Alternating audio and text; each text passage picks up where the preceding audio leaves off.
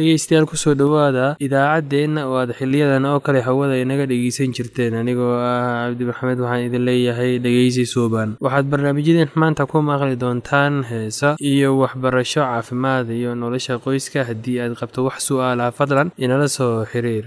Ciwaankeenna waa radio somaly at yahu dt com. Mar labaad ciwaankeenna waa radio somaly at yahu dt com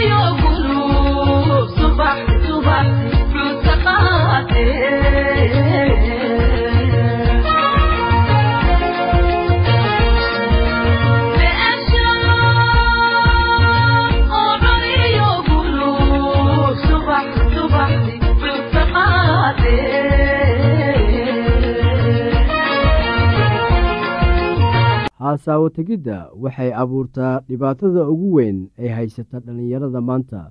Inta badan waxa uu qofka dareemaa cabsi qalbi jab ama fikir aad ku saabsan dhanka nolosha ugu muhiimsan. Qaar xitaa waxa ay dareemaan dhicitaan waayo aragnimo ay kala kulmeen hasaawaha tegidda awgeed. Waxay dareemayaan nacayb sababtoo ah waxa ay qofka ay jecel yihiin u muujiyeen daryeel iyo danayn taas oo aan looga jawaabin waa maxay hasaawo tegiddu maxaa ku soo dhacaya maskaxdaada marka aad maqasho hasaawo tegid gabar yar ayaa waxay hasaawo tegid ku sharaxday sida tan. Waa waayo aragnimo qaas ah oo ka dhalata marka wiil la kulmo gabar. Deetadana uu ku ballamiyo meel isaga oo siinaya wakhti cayiman markay kulmaan wakhtigii ay ballanta lahaayeen hasaawo yeeshtaan iyada oo uu macnahan sax yahay haddana waxa uu leeyahay micno dheer kaasoo ah xiriir ka dhex dhasha wiil iyo gabar. Waa saaxiibtinimo qaas ah oo ka dhex dhasha laba qof oo kala soo jeeda lab iyo dhadig. Xiriirkaasoo horseedaya is-xurmayn jacayl deetana guur u fiirso hasaawuhu mar waliba waxa uu la bilowdaa saaxiibtinimo. Runtii saaxiibtinimo qaas ah waxaa laga yaabaa inuu raaco jacayl iyo haasaaw uu jacayl ku jiro inta uu xiriirku korayo inkastoo labada qof ee isguursanaysa ay jecel yihiin in arrintan ay gadaal ka sameeyaan waxay noqonayaan laba isjecel. Intii aanay noqon laba saaxiib ah waxaa jira heerar uu qofku ku odhan karo. Runtii haasaawahanu wuxuu kobcayaa ama horumarayaa haasaawuhu waa il biyo ah oo ka timid saaxiibtinimada u dhexaysa laba qof oo kala ah lab iyo dhadig. Sida qofku ugu fiican yahay inuu saaxiibtinimo wanaagsan samaysto ayaa sidoo kale waxa uu ku guulaysanayaa hasaawaha. Haddii aad doonaysid hasaawo xiriir hor u kac leh waxaa qasab kugu noqonaysaa inaad bilowdid barashada ah sidii xiriir saaxiibtinimo oo wanaagsan loo samaysto. Heerka labaad saaxiibtinimadii ayaa waxay isu beddelaysaa hasaawo yeelasho. Hasaawuhu waxa uu leeyahay saddex weji. Mid waa hasaawo caadi ah mid waa qaas midna waa joogto. Waa maxay hasaawaha caadiga ah waa noocee hasaawo ee aanay la socon dareen qaad ah. Waxaad hasaawahan u samaynaysaa wakhti isku dhaafin adiga oo gabar meel u wadaya sida cashogeen ama shaneemo. Tallaabadan muhiimka ah ee wanaagsan waxay labadiinnaba fursad idiin siinaysaa in si dareen ku dhisan aad isu dhex gashaan oo aad fahamtid sida qofka kale uga jawaabo nolosha. Hasaawaha qaaska ah waxa uu u baahan yahay kacdoon dareen oo xadidan. Tusaale waxaa laga yaabaa in iskool ama kolleejo ay ka jirto xaflad qaas ah. Marka wiil ayaa waxa uu ka codsanayaa gabar inuu dibadda u wadi karo isaga oo doonaya hasaawid habeenkaas. Hasaabaha joogtada ah waa marka laba qof oo da-yar isku taxalluujiyaan inay hasaawahooda si joogto ah u wataan ama ay caado ka dhigtaan heerka gacdoonka dareenkoodu la dhan yahay iyo sida ay ugu go-een lababa way ka duwan yihiin laba. Qaar waxay xiriirka u isticmaalaan sida gaashaan in aanay u dareemin kelinimo heerka saddexaad ee hasaawuhu waa wakhtiga ay isu diyaarinayaan nikaaxa. Wakhtigan isaga ah waa wakhtiga u dhexeeya hasaawaha joogtada iyo wakhtiga nikaaxa. Labadii wada lahayd hasaawo joogto ah waxa ay u wada hadlayaan sidii iyaga oo leh xiriir joogto ah oo waxay u qorsheenayaan waxyaalo ku saabsan arooskooda. Weli arrintan shaaca kama aanay qaadin. Weli taariikhdii aroosku dhici lahaa ma aanay isla meel dhigin. Mana diyaarinayaan qorshe ku saabsan arooskooda. Hase yeeshee haddana waxa ay isu diyaarinayaan inay isguursadaan oo waxa ay ka hadlayaan mustaqbalka guurkooda kadib wakhtigan dhexdiisa labada isguursan rabto waxa ay eegaan oo tijaabiyaan dhaqankooda goolalkooda iyo qorshaha mustaqbalkooda. Kadibna waxaa imaanaya heerka afaraad kaasoo shaaca laga qaadayo nikaaxa iyo qorshaha ah inay isguursanayaan. Heerka shanaad ee ugu dambeeya waxa weeye isguursashadii.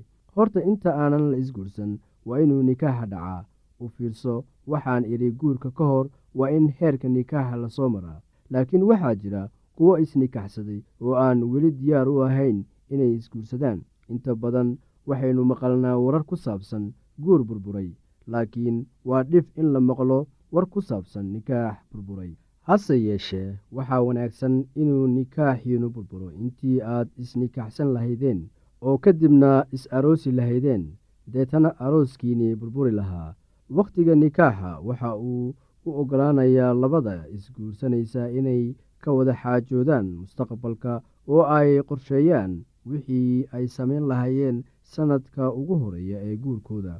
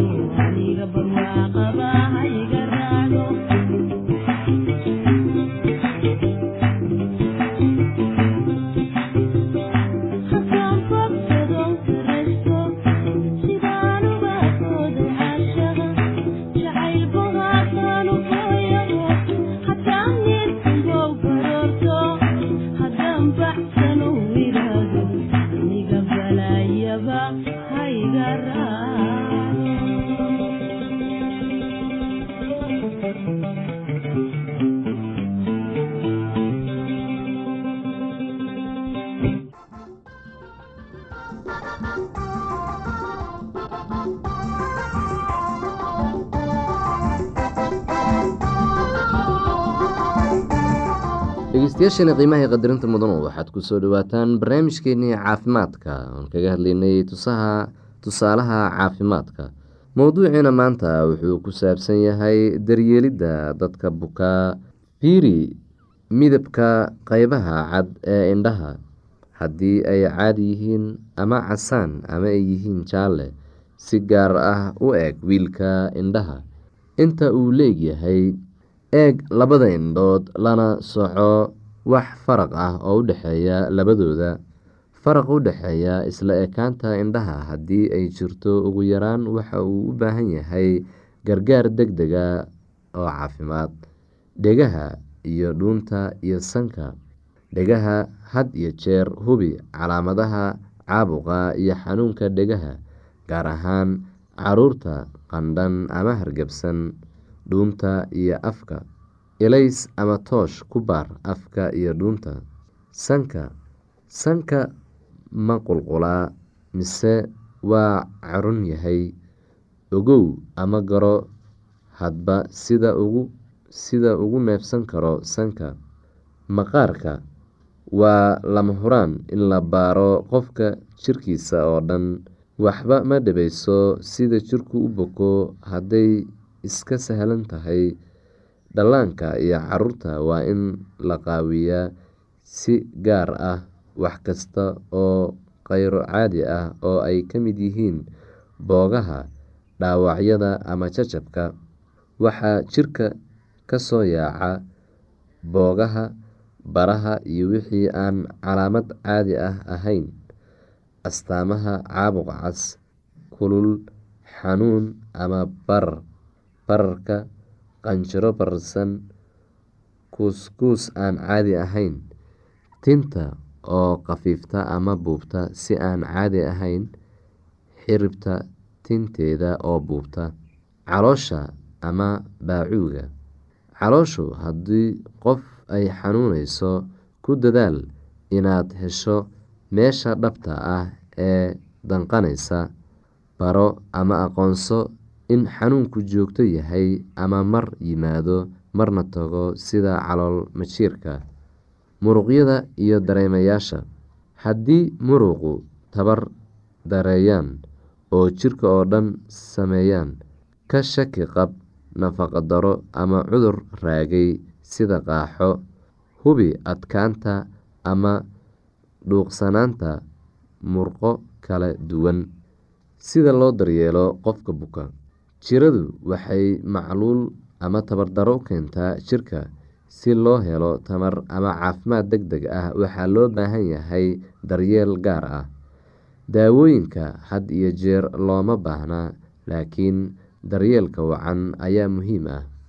Qofka buka waa inuu helaa nasasho degan meel raaxo leh ilays iyo neecow fara badan waa in laga dhowraa kulaylka iyo qabowga xaddhaafka ah dareerayaasha ama sharaabka. Ugu dhowaan jiro kasta gaar ahaan marka ay jiraan qandho ama shuban qofka jiran waa inuu cabaa sharaab fara badan biyo shaah ama waxyaabo kala duwan. Nadaafadda qofka waa lagama maarmaan in had iyo jeer qofka bukaa uu nadiif yahay. Haddii uu qofku bukaa wax cuni karo si qofka bukaa. Waa inuu cabaa biyo fara badan uuna cunaa raashin jirka dhisa oo nafaqo leh. Cuntada tamarta keenta waxaa loo baahan yahay inuu qaato. Waxaa aada iyo aada loogu baahan yahay in qofka aada u jirini uu helo biyo ku filan. Haddii uu qaadan karo wax yar markiiba u sii in yar. Haddii laqiddu dhibayso u sii kakabasho shan daqiiqo ama toban daqiiqo markiiba cabir inta ay la-egyihiin biyaha uu bukaanku qaato maalin kasta. Qofka weyn wuxuu u baahan yahay laba litir ama in ka badan maalintiiba waana inuu kaadshaa saddex ilaa afar jeer maalintiiba Thank you.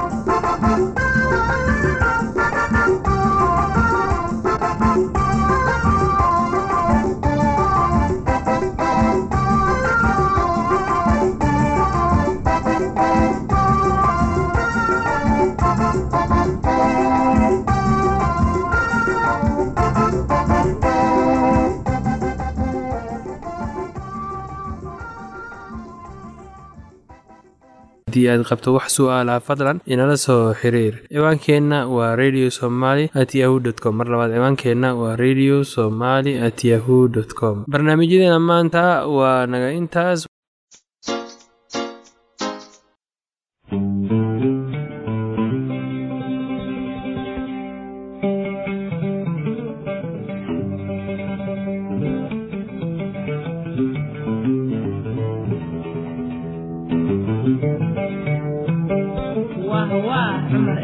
inaya